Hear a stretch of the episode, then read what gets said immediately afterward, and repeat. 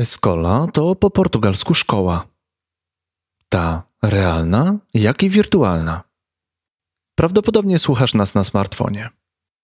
To wielofunkcyjne urządzenie może służyć do nauki i rozrywki, a Twoja firma łatwo może wykorzystać się do prezentacji produktu, projektowania wnętrz, a nawet podróży, nie ruszając się z miejsca.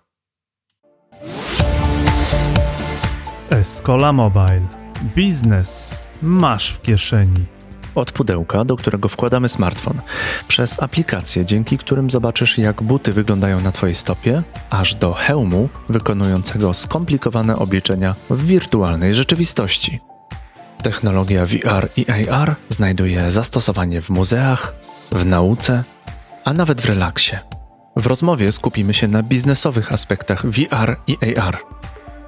Polecamy Ci zapisywać pomysły na kartce. Nasi goście pokażą Ci, jak dzięki technologii zwiększyć obieg informacji, szkolić pracowników, a co za tym idzie, zwiększyć ilość sprzedaży. Podaj ten podcast dalej, udostępnij go na LinkedInie, Twitterze, Facebooku, opowiedz o nim swoim znajomym. Pełną rozmowę możesz obejrzeć też na kanale YouTube Escola Mobile. Link jest w notatkach. Zapraszamy do słuchania kolejnego odcinka podcastu Escola Mobile.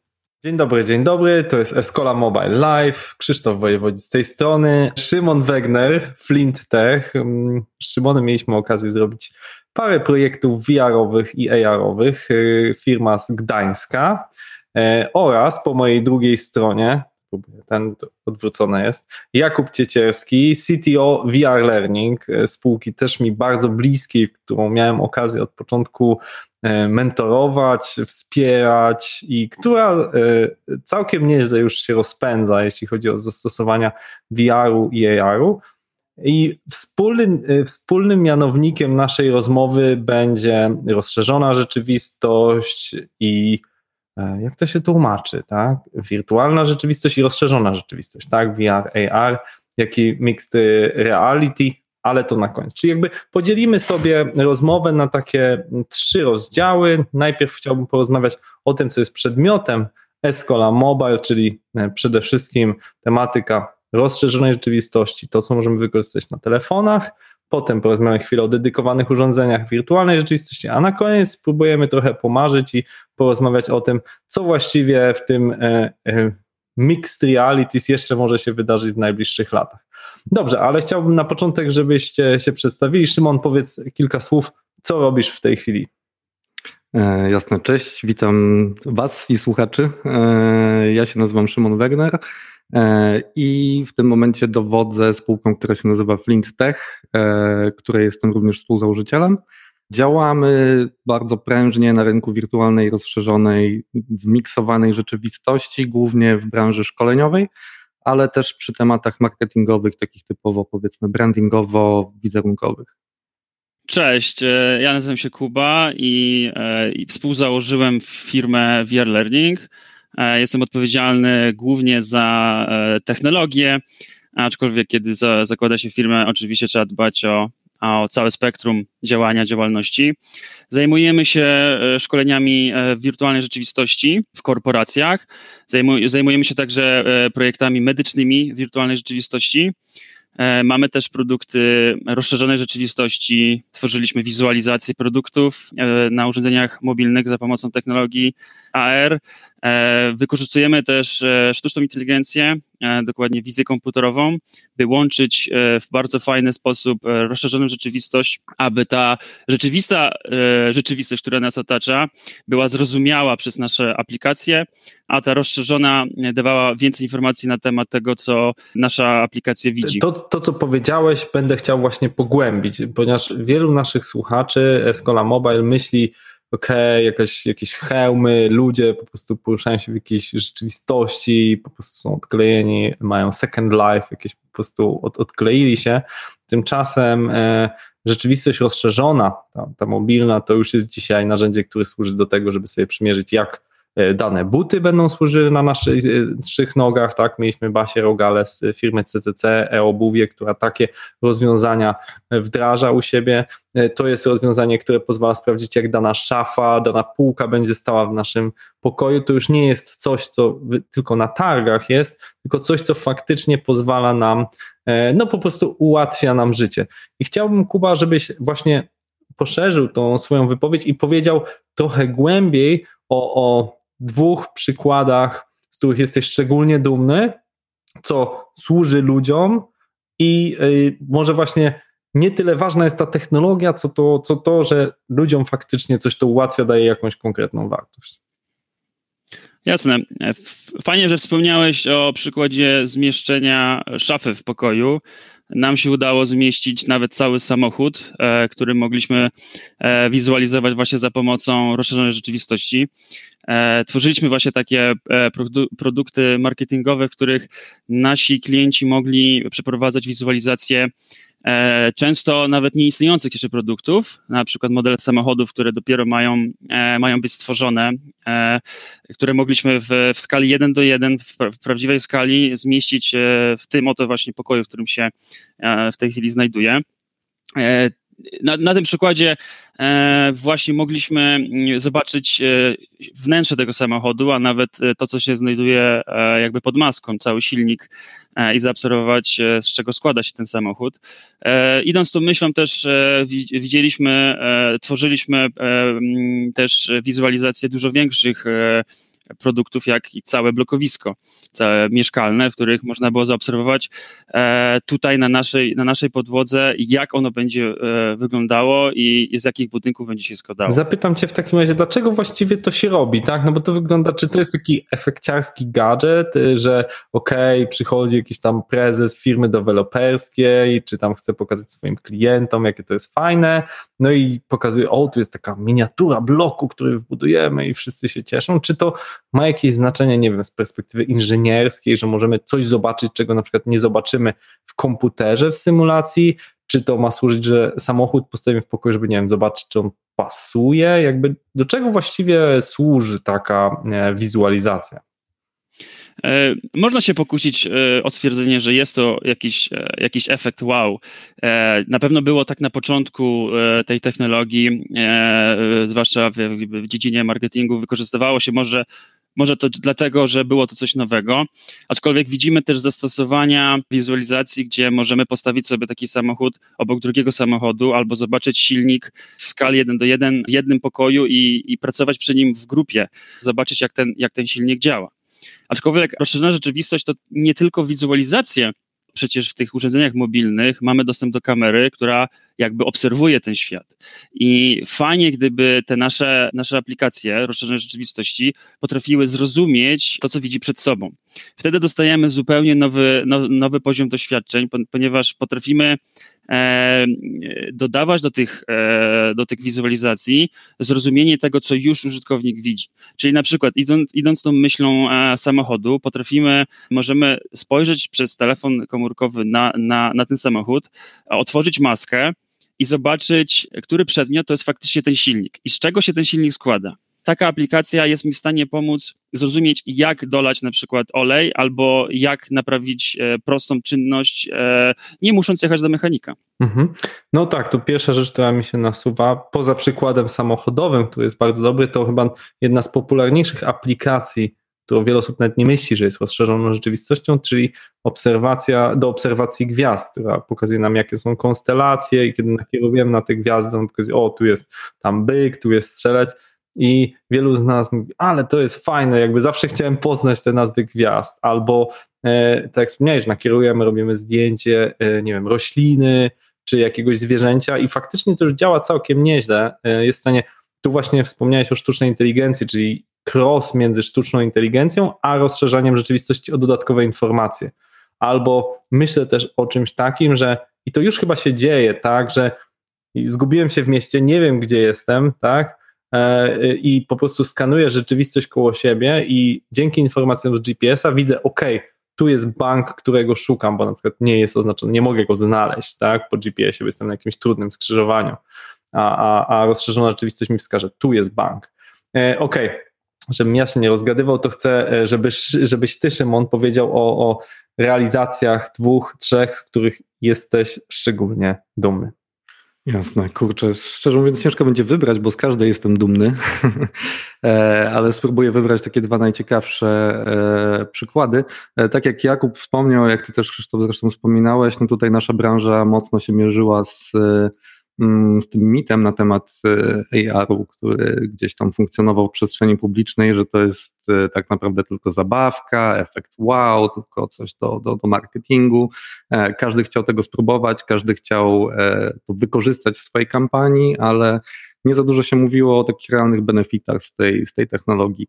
No my stanęliśmy w pewnym momencie nad, nad taką decyzją, czy, czy, czy, czy w ogóle takie projekty, które są typowo powiedzmy marketingowe i, i z naszej perspektywy nie niosą żadnej większej wartości przyjmować, i podjęliśmy decyzję, żeby się po prostu drastycznie od takich tematów e, odciąć, czyli przygotowywać tylko i wyłącznie projekty, które mają faktycznie przełożenie na, na, na, na biznes albo na proces, który próbujemy gdzieś tam dzięki AR-owi e, usprawnić czy, czy, czy rozwinąć.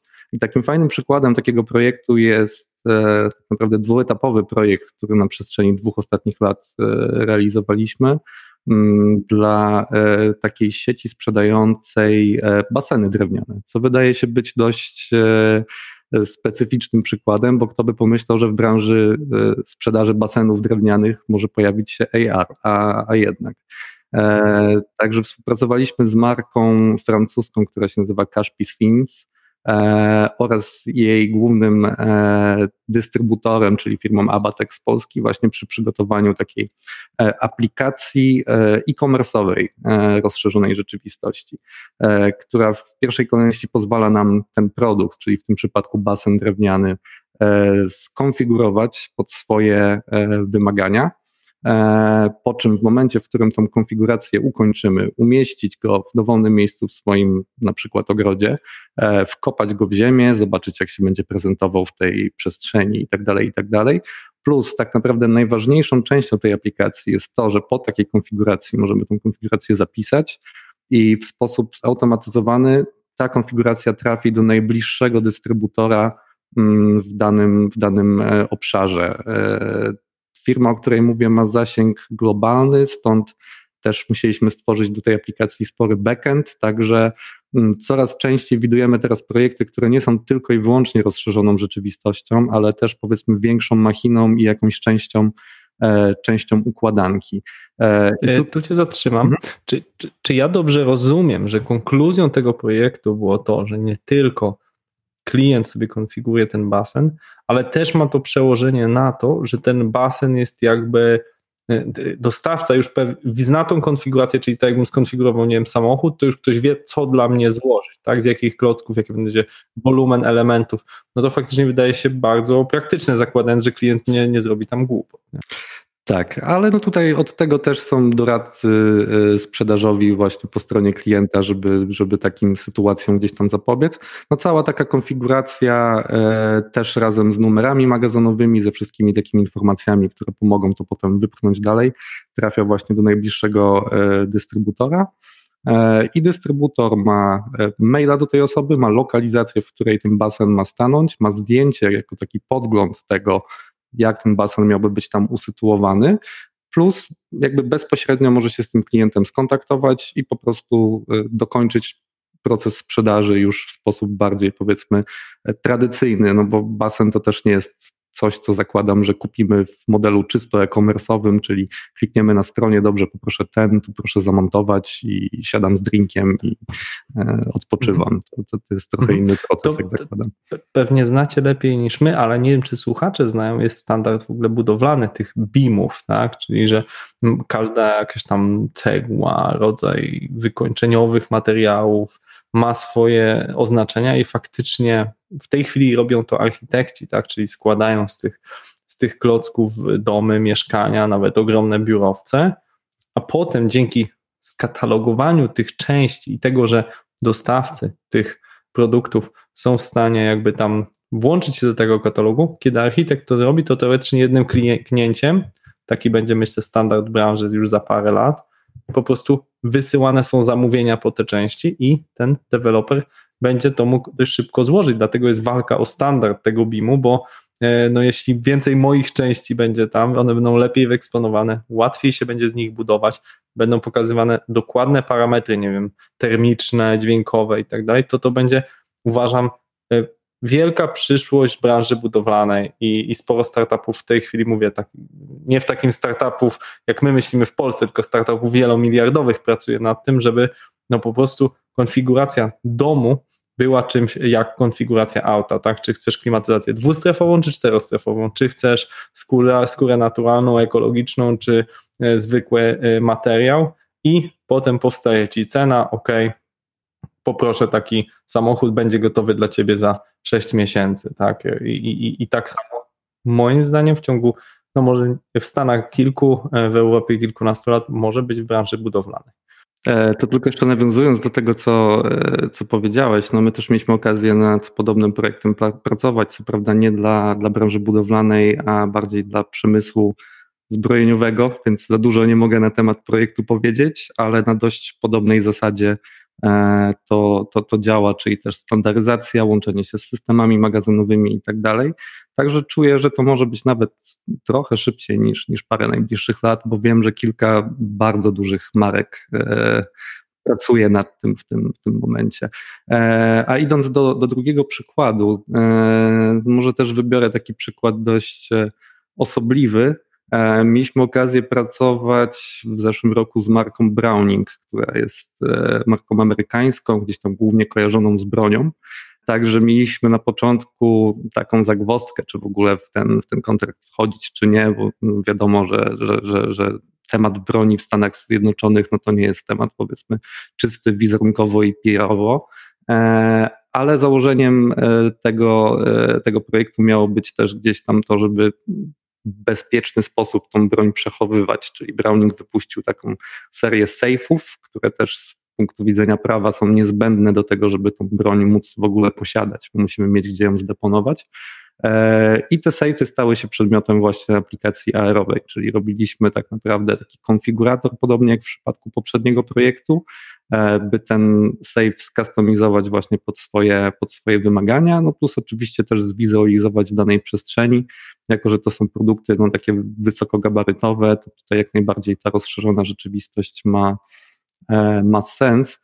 Co ciekawe, Browning pociągnął za tym bardzo ciekawą i fajną kampanię marketingową, e, ponieważ zrobili konkurs na Instagramie, e, żeby zachęcić ludzi do korzystania z tej aplikacji, który miał właśnie zachęcać do tego, żeby zrobić jakieś fajne zdjęcia z safe'em.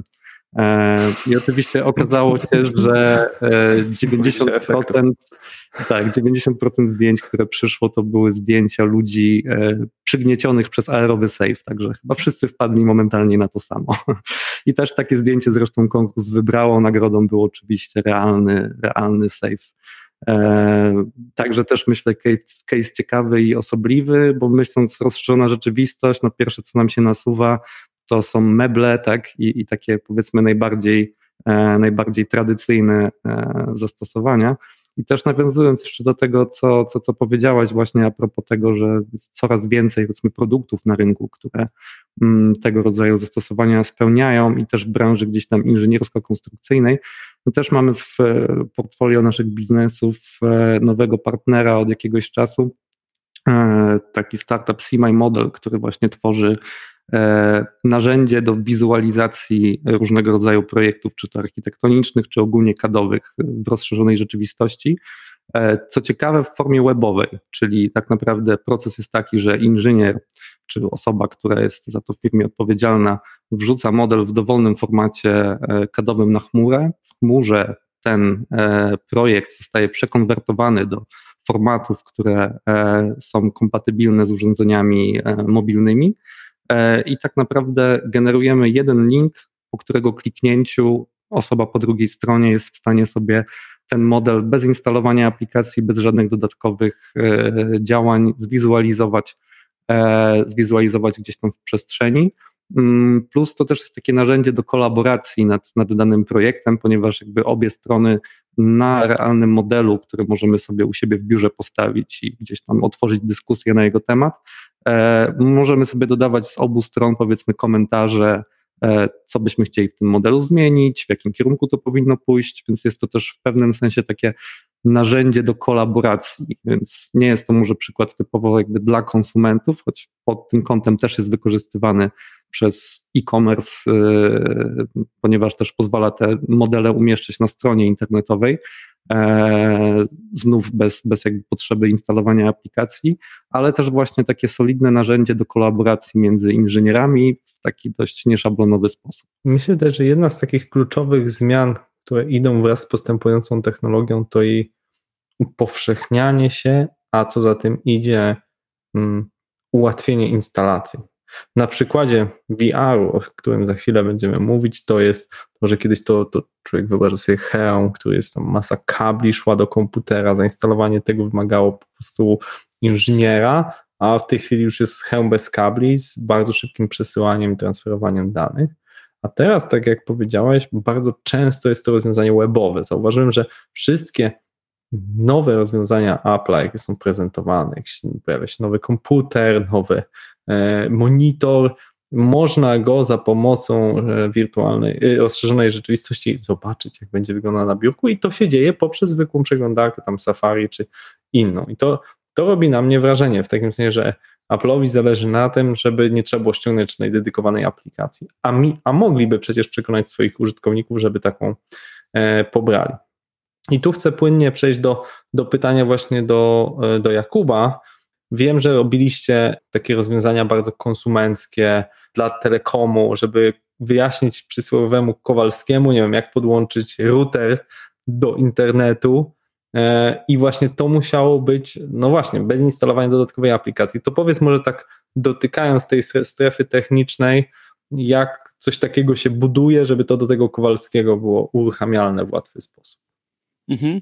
Znaczy tak, jest to bardzo ciekawy przypadek, ponieważ e, to zastosowanie e, musiało być e, dedykowane osobom, które nie potrafią podłączyć sprzętu, ale z drugiej strony powinny potrafić skorzystać z telefonu mobilnego i z, na, na, z, pierwsze, z pierwszego wrażenia nietrywialnej aplikacji. No bo jednak wyobrażamy sobie, że ta rozszerzona rzeczywistość to jest taka nowa technologia, więc pewnie jest skomplikowana w, e, jakby w użytkowaniu. E, no ale właśnie okazuje się, że tak nie jest. Okazuje się, że e, udało nam się stworzyć taką aplikację, którą, e, tak jak wspominałeś, e, e wspomaga ludziom instalację sprzętu elektronicznego, na przykład router, i dzięki temu e, taki klient nie musi, e, nie musi nigdzie dzwonić, nie musi e, dzwonić po montera, który musiałby fizycznie przyjechać, a z tym wiążą się e, różne teraz problemy. Może na przykład w ogóle nie, nie móc taka, taka osoba przyjechać do ciebie e, i nie musi, tak, taki klient nie musi dzwonić nigdzie na infolinię. E, taka, tak, takie zastosowanie właśnie, właśnie stworzyliśmy w Telekomie, tak jak wspominałeś.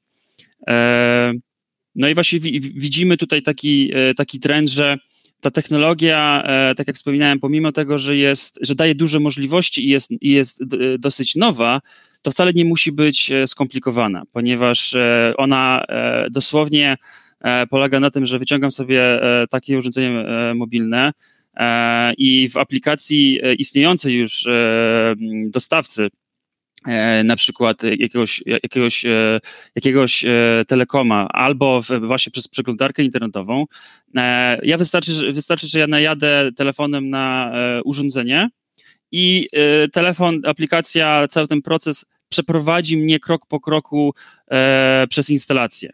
Jeśli jestem już w połowie instalacji, ona, ona to rozpozna i przejdzie do tego momentu, e, w którym ja już jestem. Więc jest to system mm, inteligentny, potrafi rozpoznawać status, e, stan tego urządzenia, czy on już jest włączony, e, czy internet już jest e, w tym, w tym routerze na przykład, e, już jest dostępny.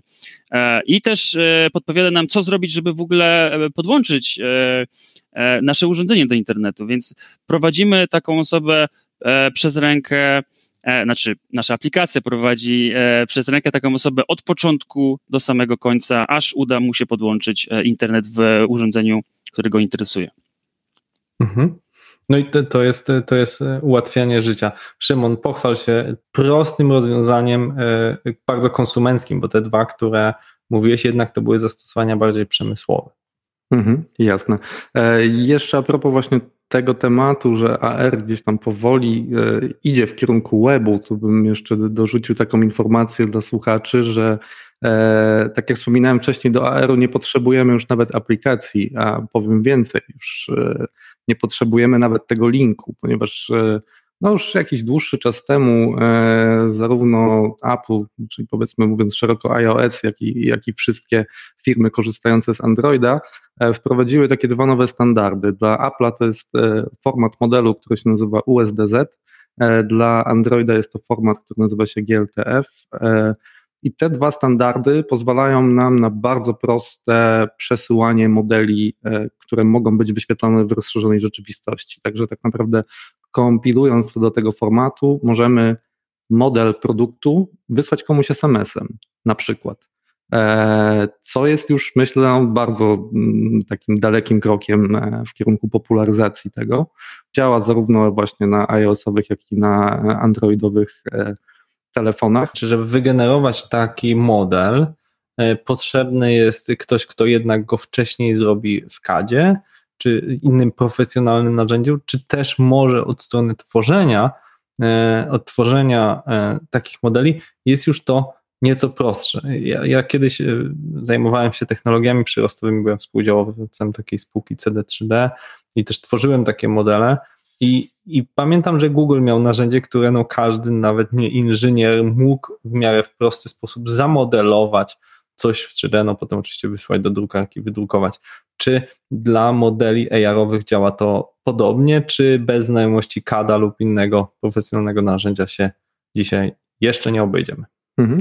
No na ten moment y, AR już, że tak powiem, nikogo nie wyklucza. E, jakby można oczywiście skorzystać z modeli CAD-owych, wtedy to wymaga e, takiego narzędzia, jak to, o którym wcześniej wspominałem, czyli takiego, które jest w stanie przekompilować ten model CAD-owy do formatu e, AR-owego, ale jest też na rynku sporo takich online'owych, nawet prostych w obsłudze edytorów, które pozwalają konsumentom stworzyć taki model 3D w tym programie i od razu wygenerować ten model AR-owy, wygenerować link, podgląd na stronę, tak naprawdę cały, cały pakiet, który, który moglibyśmy e, gdzieś tam wykorzystać potem w praktyce. Mhm. Pozwólcie, że mogę, dodam e, jeszcze inną e, możliwość generowania takich modeli, e, którą też teraz e, Apple mocno promuje, czyli skanowanie rzeczywistych obiektów. Za pomocą, e, już teraz za pomocą iPhone'a, tego najnowszego iPhone'a 12, możemy zaskanować obiekty, e, które później musimy, e, możemy, tak jak Szymon wspomniał, SMS-em komuś wysłać i ta druga osoba może go sobie wizualizować w przestrzeni swojego pokoju.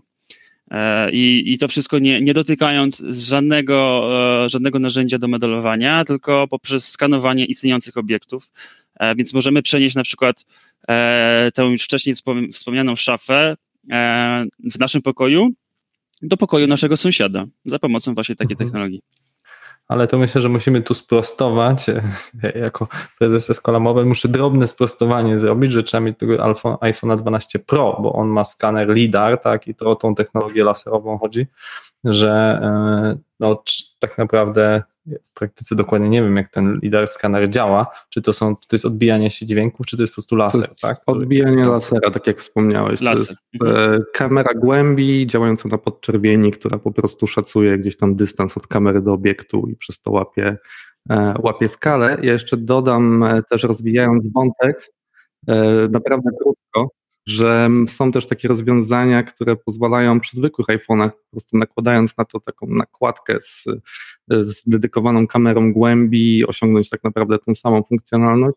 I są to sprzęty już myślę też dostępne konsumencko, bo nie są to naprawdę wielkie pieniądze, żeby taki, taki sprzęt e, zakupić. No efekt jest naprawdę, naprawdę fajny. Chciałbym w drugiej części tej, tej audycji porozmawiać o technologii już nie całkiem związanej z, z telefonami mobilnymi, z telefonami, z smartfonami. Faktem jest, że sporo jeszcze można znaleźć w App Store czy Google Playu e, rozwiązań, jakichś aplikacji VR-owych, które używamy nakładając sobie jakiś taki e, tak naprawdę e, ala hełmik plus telefon wysokiej rozdzielczości, te, te hełmiki nazwijmy to można kupić za e, dosłownie 30-50 zł na Allegro, sobie umieścić telefon i faktycznie mieć pewne wrażenia tej e, e, rzeczywistości wirtualnej, czyli mieć taki powiedzmy budżetowy, bardzo budżetowy hełm VR. Ale technologia idzie przede wszystkim w kierunku dedykowanych hełmów VR i chciałbym posłuchać Was jako ekspertów, no co wygrywa i, co wygra, tak? Kuba, może, może ty zaczniesz. Bo widzę za tobą, e, widzę za tobą jakiś, jakiś hełm jest, e, więc powiedz, jak to, jak to się teraz kształtuje i co obstawiasz? E, tak jak wspominałeś, hełmów robi się coraz więcej. Coraz więcej producentów tworzy, tworzy sprzęt. Wszystko zaczęło się od tak naprawdę popularyzacja VR-u zaczęła się od, od Oculusa. E, czyli sprzęt stworzony w garażu, który później został wykupiony przez e, Facebooka. No i trend, e, trend Facebooka, zwłaszcza w, w przemyśle konsumenckim, jest, aby usuwać bariery kabli, bariery wejścia, jeśli chodzi o budżet. Jest to właśnie sprzęt autonomiczny, takie gogle, które nie, nie wymagają e, sprzętu e, komputera, nie podłącza się je do komputera, tylko one sobie działają po prostu same, e, same w sobie, mają moc obliczeniową i nie dość, że są tańsze, no bo nie trzeba kupować e, komputera, są zazwyczaj lżejsze i nie mają tego problemu e, okoblowania. Aczkolwiek my sami znamy i wdrożyliśmy taki e, przypadek, kiedy ta moc obliczeniowa nie jest wystarczająca, aby przeprowadzić e, skomplikowane symulacje. E, jak już na początku wspominałem, zajmujemy się też e, w VR-em w medycynie, gdzie ta moc obliczeniowa jest potrzebna do symulowania rzeczywistych odzorowań, rzeczywistych organów ludzkich. I wtedy faktycznie ta moc obliczeniowa, która znajduje się w komputerze, jest bardzo, bardzo przydatna, nawet, e, nawet, e, nawet jest wymagana. I wtedy korzystamy z takich gogli jak Oculus e, Rift S, które podłącza się, podłącza się przez kabel.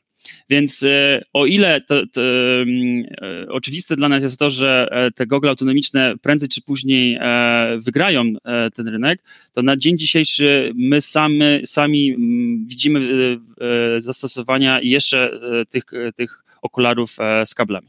Oculus to, to jedno, czy jest jakiś drugi standard y, rynkowy, czy jest jakaś tutaj jakiś duopol, czy jest więcej firm na rynku, czy Facebook wpompował już w Oculusa tyle pieniędzy, że właściwie nie ma szans, żeby ktoś mm, cena versus jakość dogonił, czy, czy za chwilę może Apple wypuści swoje gogle i jak to Apple ma w tendencji po prostu znowu zrobi taki duży przełom, tak? No jeśli wypuści, to zakładam, że znokautuje konkurencję tradycyjnie, E, ale tak, jak najbardziej no w tej branży jest cały czas wyścig zbrojeń. E, tu oprócz Oculusa właśnie wspomnianego e, jest też oczywiście HTC, które było tak naprawdę za czasów początków Oculusa no takim liderem na rynku. HTC Vive to były gogle, które zamiotły po prostu cały rynek w momencie, w którym się, się pokazały. I jesteśmy świeżo po premierze właśnie nowych modeli gogli marki HTC, zarówno kablowych, jak i i też autonomicznych. No my z HTC współpracujemy bardzo blisko. Pozdrawiam Dorotę przy okazji, która nas pewnie słucha. Niebawem będziemy też na rynek wypuszczać zapewne sporo produkcji właśnie opartych o, o, o te gogle. E, plus też widzę za Jakuba plecami gogle Pico Neo 2. E, to też bardzo ciekawa, ciekawa marka. Mm, która e, skupia się mocno na biznesie i, odpowiada na te potrzeby e, klientów biznesowych w trochę inny sposób niż Oculus, ponieważ no, z Oculusem bardzo wiele firm ma, ma w tym momencie problem ze względu na tematy związane z licencjami, ponieważ cena takiego headsetu z licencją na użytek komercyjny jest no niewspółmierna do tego, ile on kosztuje normalnie konsumencko. E, I też wiele firm, które już zakupiły sporo ilość, sporą ilość headsetów, dowiedziały się tak naprawdę po fakcie, że pojawiła się nowa biznesowa licencja nie można jej dokupić i tak naprawdę jeśli te headsety już mają, no to powinni je sprzedać najlepiej na Allegro bądź Elixie i kupić sobie te biznesowe, bo nie ma opcji na upgrade, mimo tego, że jest to identyczny sprzęt. Także tutaj e, tak naprawdę Oculus bardzo, bardzo mocno strzelił sobie w kolano i, i, i wielu klientów ma z tym, z tym problem, plus też widzę, rozmawiając z wieloma klientami, że e, tak naprawdę jeszcze nie ma wiedzy do końca na temat tego, że jest jakaś w ogóle biznesowa licencja, która pozwala w legalny sposób korzystać z tego oprogramowania. No i e, no, niestety wiele firm po prostu żyje w słodkiej niewiedzy i, i korzysta ze sprzętu konsumenckiego, co, co, co wydaje mi się być sporym problemem na, na, na ten moment właśnie z headsetami e, Oculusa. A też jeszcze a propos tej mobilności tych headsetów, my też skorzystamy e, z headsetów w taki sposób hybrydowy, tam gdzie tylko jest na to możliwość, tak jak Jakub wspomniał, same gogle autonomiczne nie mają takiej mocy obliczeniowej, żeby bardziej zaawansowane symulacje przeprowadzić, ale mają możliwość podłączenia zwykłym kablem USB-C, na przykład w przypadku Oculusa, do komputera. E, i wtedy będą ciągnęły tą moc obliczeniową z komputera, także dzięki temu jesteśmy w stanie uzyskać powiedzmy e, mniej więcej taką samą jakość jak na goglach kablowych, e, kiedy tego potrzebujemy, a kiedy tego nie potrzebujemy, możemy kabel odpiąć i z powiedzmy bardziej zoptymalizowanej wersji aplikacji korzystać sobie mm, typowo mobilnie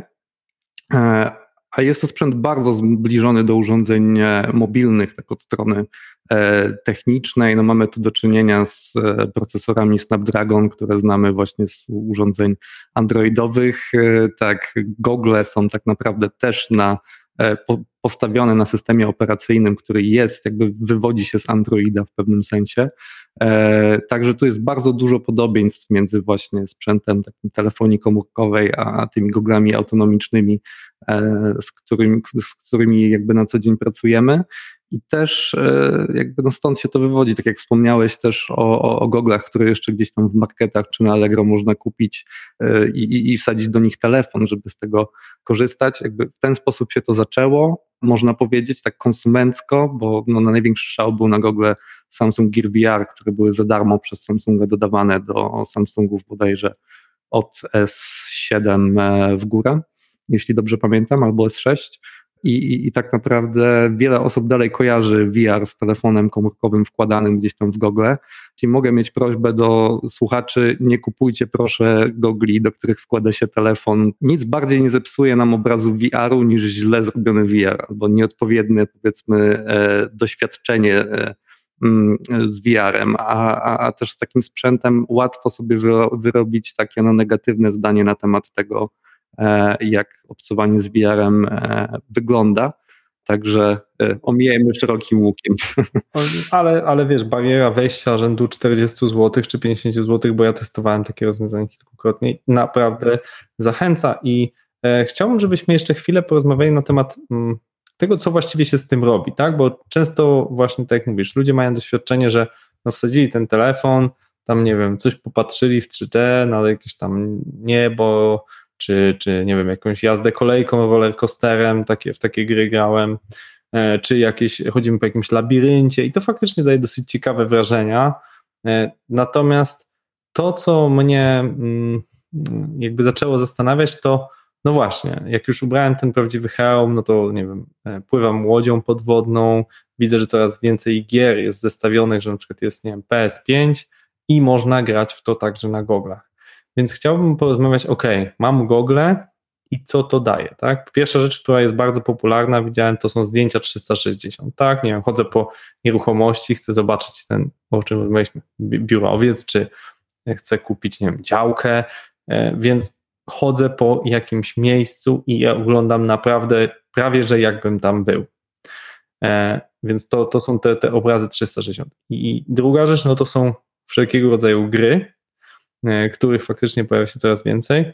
No chciałbym, żebyście powiedzieli, do czego właściwie te gogle się mogą przydać. Może Szymon, ty zaczniesz. Jasne.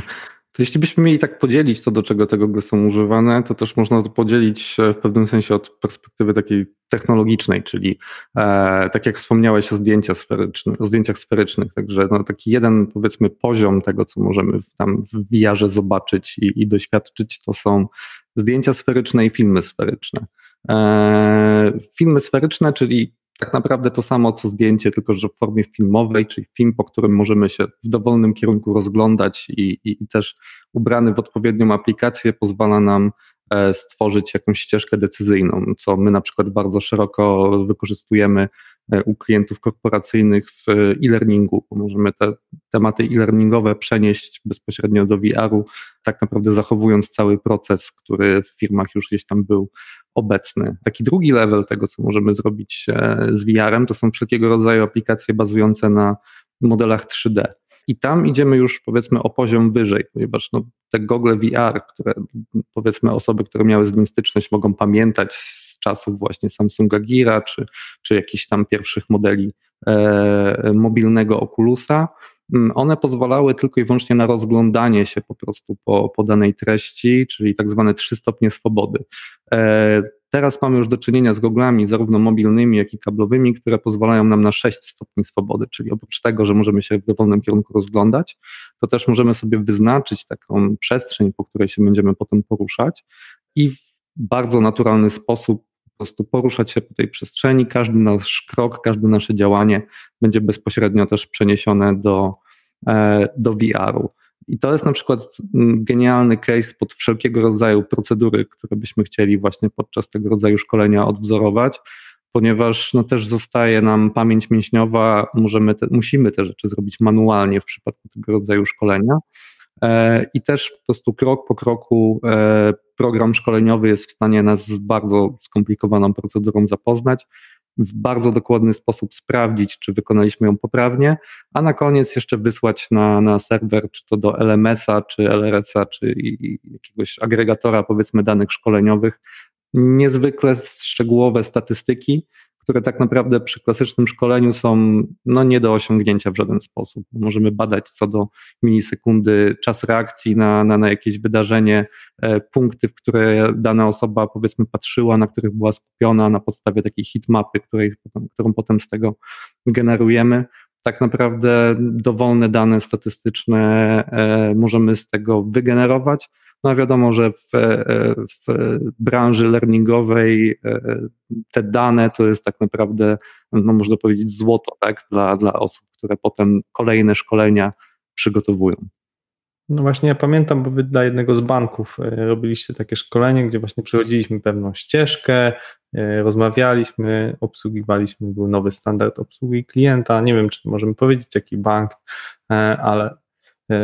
tak, dla banku Santander to, to było jak oni wprowadzili właśnie, przemalowywali się z zielono-czerwonego na czysto czerwony, był nowy standard obsługi i trzeba było jakby przejść ten nowy standard obsługi, ale było to dosyć statyczne, mm, czyli no, musiałem popatrzeć w jakiś punkt, wybrać określoną odpowiedź e, i, i to, co mówisz, to jest ciekawe, kiedy mogę się ruszać. Natomiast od razu kojarzy mi się taki, taka scena z filmu z Jasiem Fasolą, gdzie on ma te gogle VR-owe na głowie i porusza się w przestrzeni, myśl, jakby w sposób taki, no jak Jaś Fasola, dosyć e, taki e, niezaradny. E, no i wykonuje różne misje, bo mu się wydaje, że jest w wirtualnej rzeczywistości. I to e, przy, przychodzi mi na, e, na myśl, że no, naszym ograniczeniem jest ta przestrzeń, tak? Mówisz, że możemy narysować, tak? Jakby gdzie są ściany, czy, czy to określić, żeby po prostu ktoś wczuwając się w tą wirtualną rzeczywistość gdzieś nam nie poszedł dalej.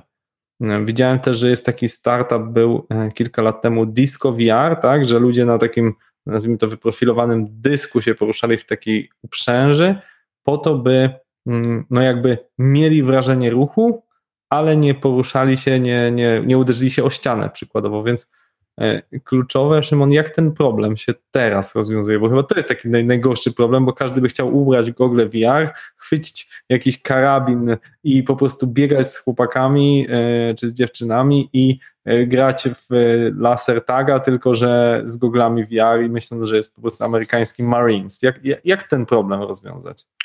Z jednej strony, jakby czemu nie, ten scenariusz, który przedstawiłeś, jak najbardziej jest do, do zrealizowania. E, w goglach VR tak naprawdę jak wyjdziemy na dużą, otwartą przestrzeń, w przypadku gogli właśnie wireless, czyli bez, bez e, kablowych, no możemy śmiało, że tak powiem, lecieć do przodu i nie wiem, wyjść na boisko, tak, które będzie naszym polem gry, ale też e, oprócz tego powiedzmy takiego naturalnego poruszania się w, w VR-ze, też zawsze dodajemy dodatkowo możliwość teleportacji, czyli wtedy jeśli jesteśmy w centrum danego pomieszczenia, to możemy y, przeteleportować się w aplikacji na przykład bliżej jakiejś maszyny, którą mamy, nie wiem, powiedzmy, e, szkolić się z jej obsługi, tak, w VR-ze.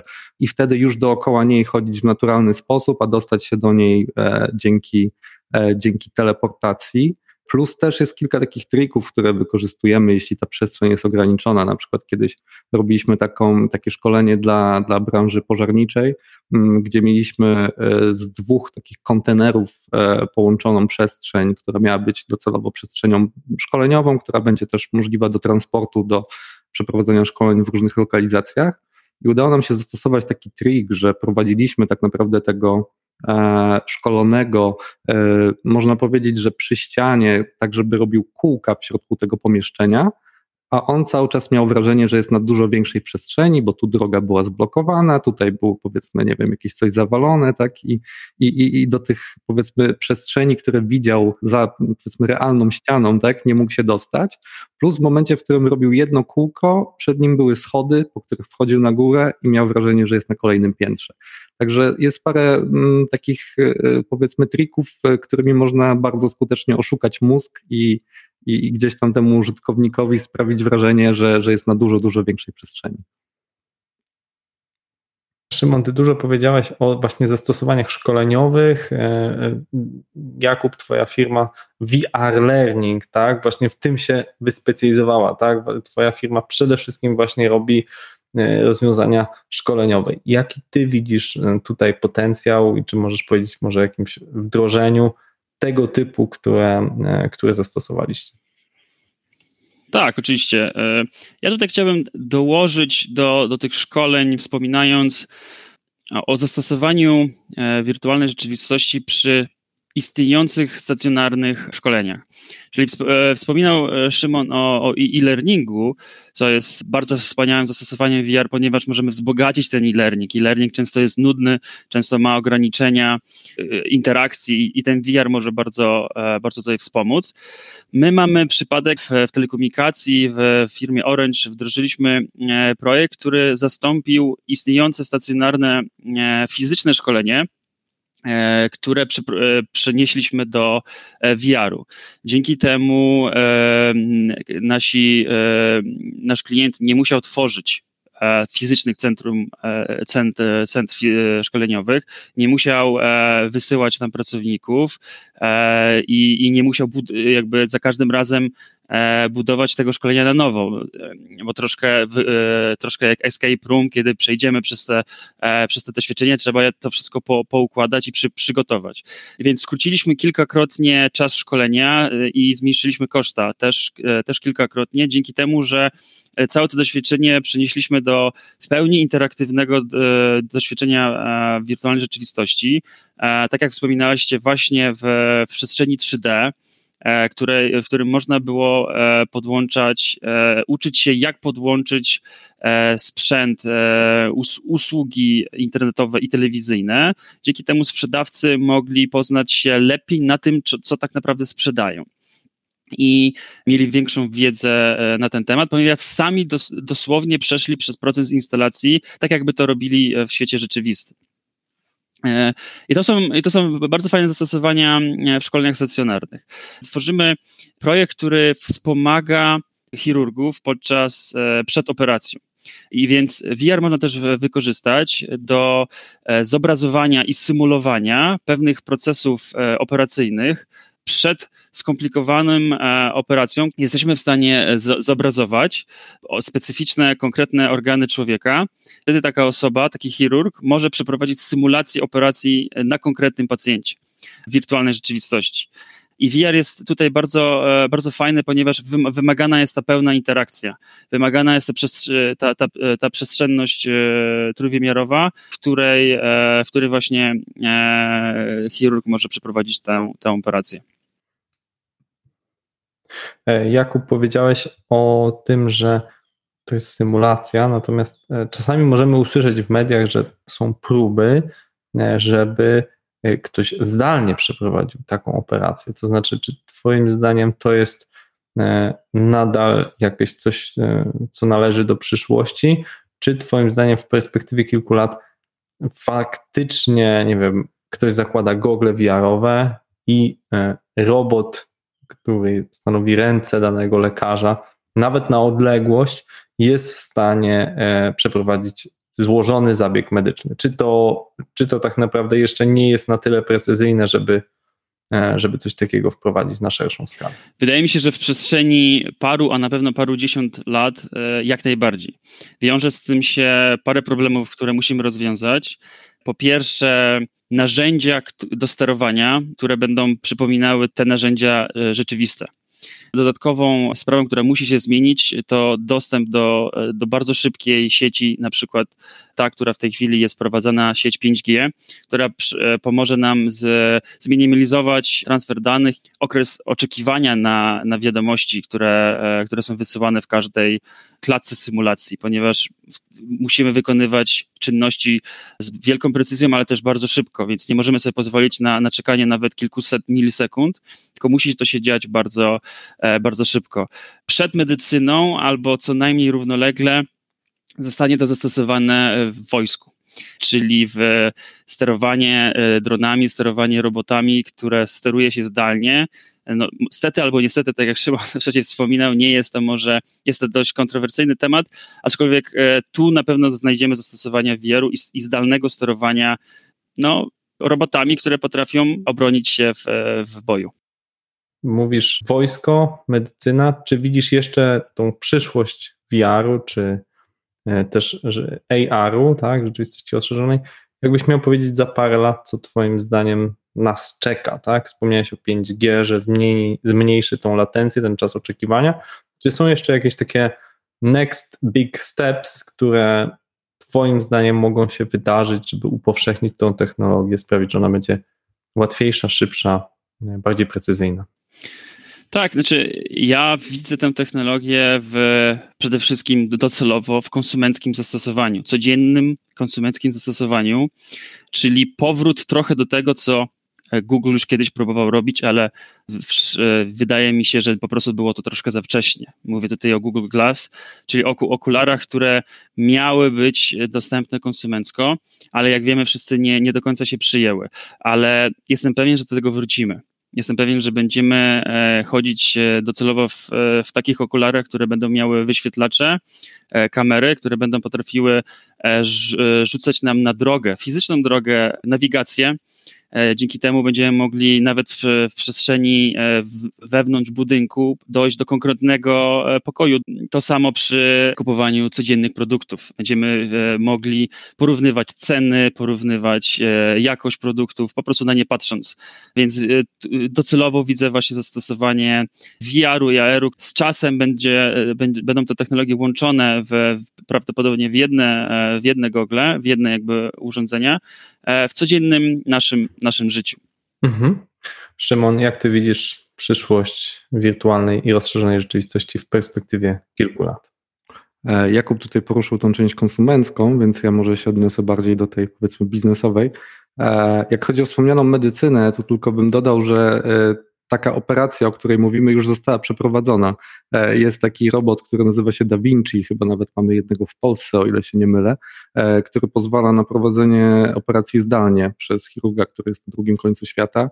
Na ten moment e, mamy tam do czynienia z ekranem, ale z ekranem, który w ponad dziesięciokrotnym przybliżeniu pokazuje chirurgowi to, co on dokładnie e, robi na ciele. No i ten robot, no jest bardzo mało specjalistów, ale mamy z tego co wiem najlepszych, najmocniejszych specjalistów na świecie, w Polsce, e, od obsługi tego robota i przeprowadzeniu na nim operacji.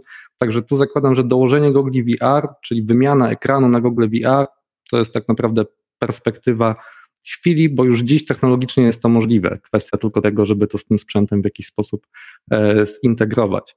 E, a jak chodzi o ten rozwój tej, tej, tej całej technologii, no to moim zdaniem stoimy na skraju absolutnej rewolucji e, związanej z 5G, o którym wspomniałeś. Nie tylko rewolucji, jak chodzi o, o Google VR, ale ogólnie o urządzenia, z których korzystamy na, na co dzień. Ja mam taką swoją teorię, że, która myślę, że, że, że może się sprawdzić w najbliższym czasie, że na, taką naszą powiedzmy walutą, tak, z której, którą będziemy kupować pewnie w modelu subskrypcyjnym bądź w jakichś pakietach, tak jak kiedyś internet, tak teraz stanie się moc obliczeniowa. 5G ma już takie możliwości przesyłu tych danych, że tak naprawdę urządzenia, z których korzystamy na co dzień, nie będą musiały mieć praktycznie żadnej mocy obliczeniowej. Będzie to ekran z dobrym modułem Wi-Fi, e, ewentualnie z jakimś dyskiem tak, na, na, na, na storage, co pozwoli na dramatyczną, mm, powiedzmy, miniaturyzację tych, tych urządzeń. E, w przypadku 5G będziemy mogli zdalnie łączyć się po prostu z olbrzymimi farmami, które będą dostarczać nam określoną ilość mocy obliczeniowej, e, dzięki czemu, e, tak jak Jakub wspominał o okularach, w bardzo małych okularach, które nosimy na sobie na co dzień, będziemy mogli tak naprawdę zobaczyć rzeczy, które z perspektywy dzisiejszej mocy obliczeniowej urządzeń były po prostu no, nieosiągalne w żaden Mm, w żaden sposób. Także mocno wierzę w to, że, że 5G e, faktycznie zrewolucjonizuje sposób, w którym my podchodzimy do tego rodzaju mm, technologii. Wiem, że kilka olbrzymich sieci właśnie z branży telekom już, już mocno nad tymi rozwiązaniami e, pracuje. E, także jak chodzi o taką przyszłość, e, no już myślę nawet stosunkowo niedaleką dla, dla tej technologii, będzie właśnie e, korzystanie z cloud computingu, miniaturyzacja urządzeń, dramatyczne zmniejszenie kosztu tych urządzeń i co za tym idzie bardzo szeroka popularyzacja. Także jesteśmy teraz w takim momencie, że czekamy, aż po prostu szala się przeleje, tak, i będziemy mieli już powiedzmy na, na tyle szeroki dostęp do tej, do tej sieci w Polsce i, na świecie, żeby można było faktycznie pójść w tym kierunku. Teraz jest, jest to jeszcze pieśń przyszłości, ale ja już osobiście 5G testuję, wy zapewne również, także yy, widać faktycznie, że, że idzie to w tym kierunku.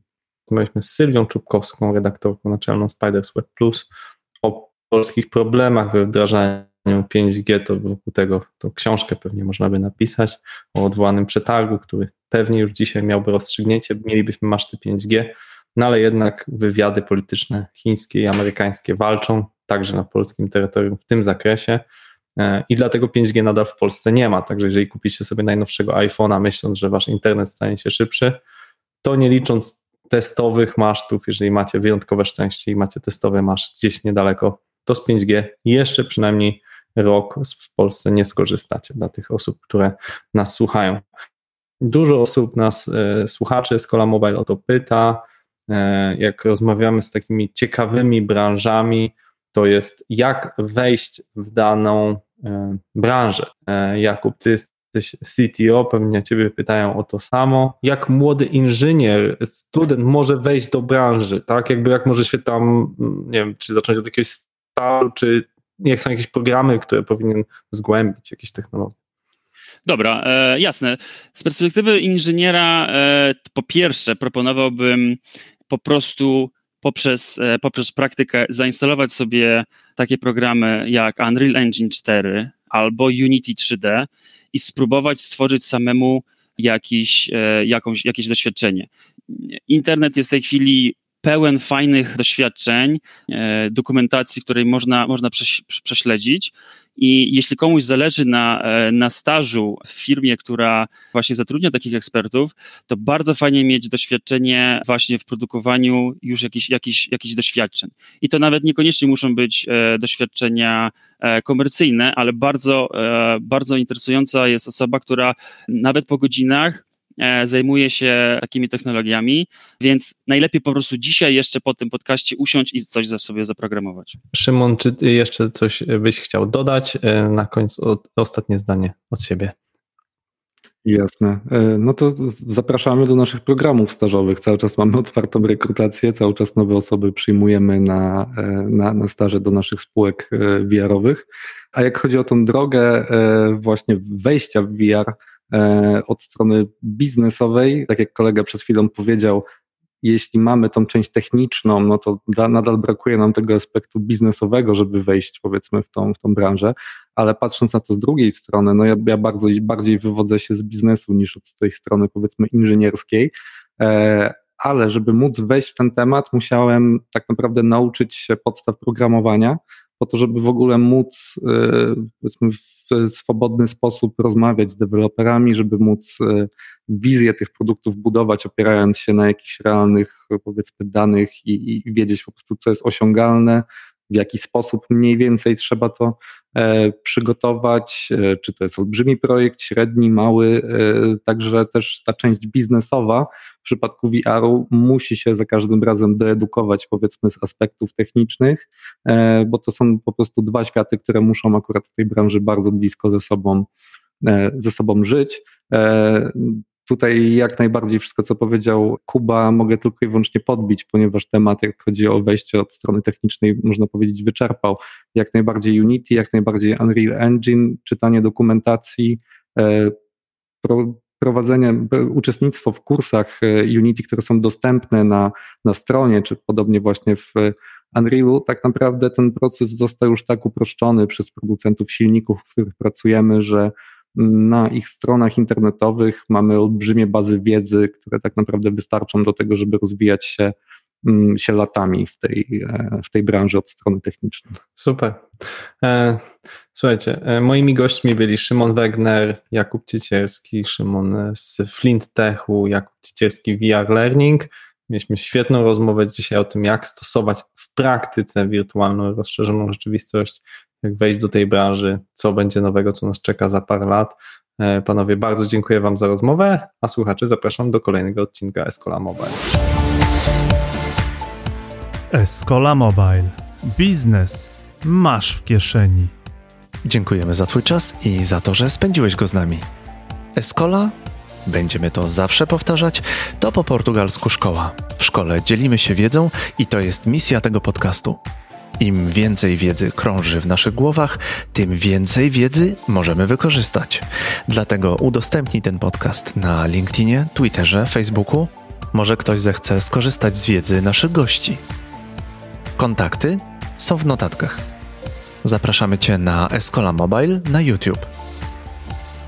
Link jest w notatkach. Znajdziesz tam większość rozmów w formie wideo, a także najsmaczniejsze kąski z podcastów.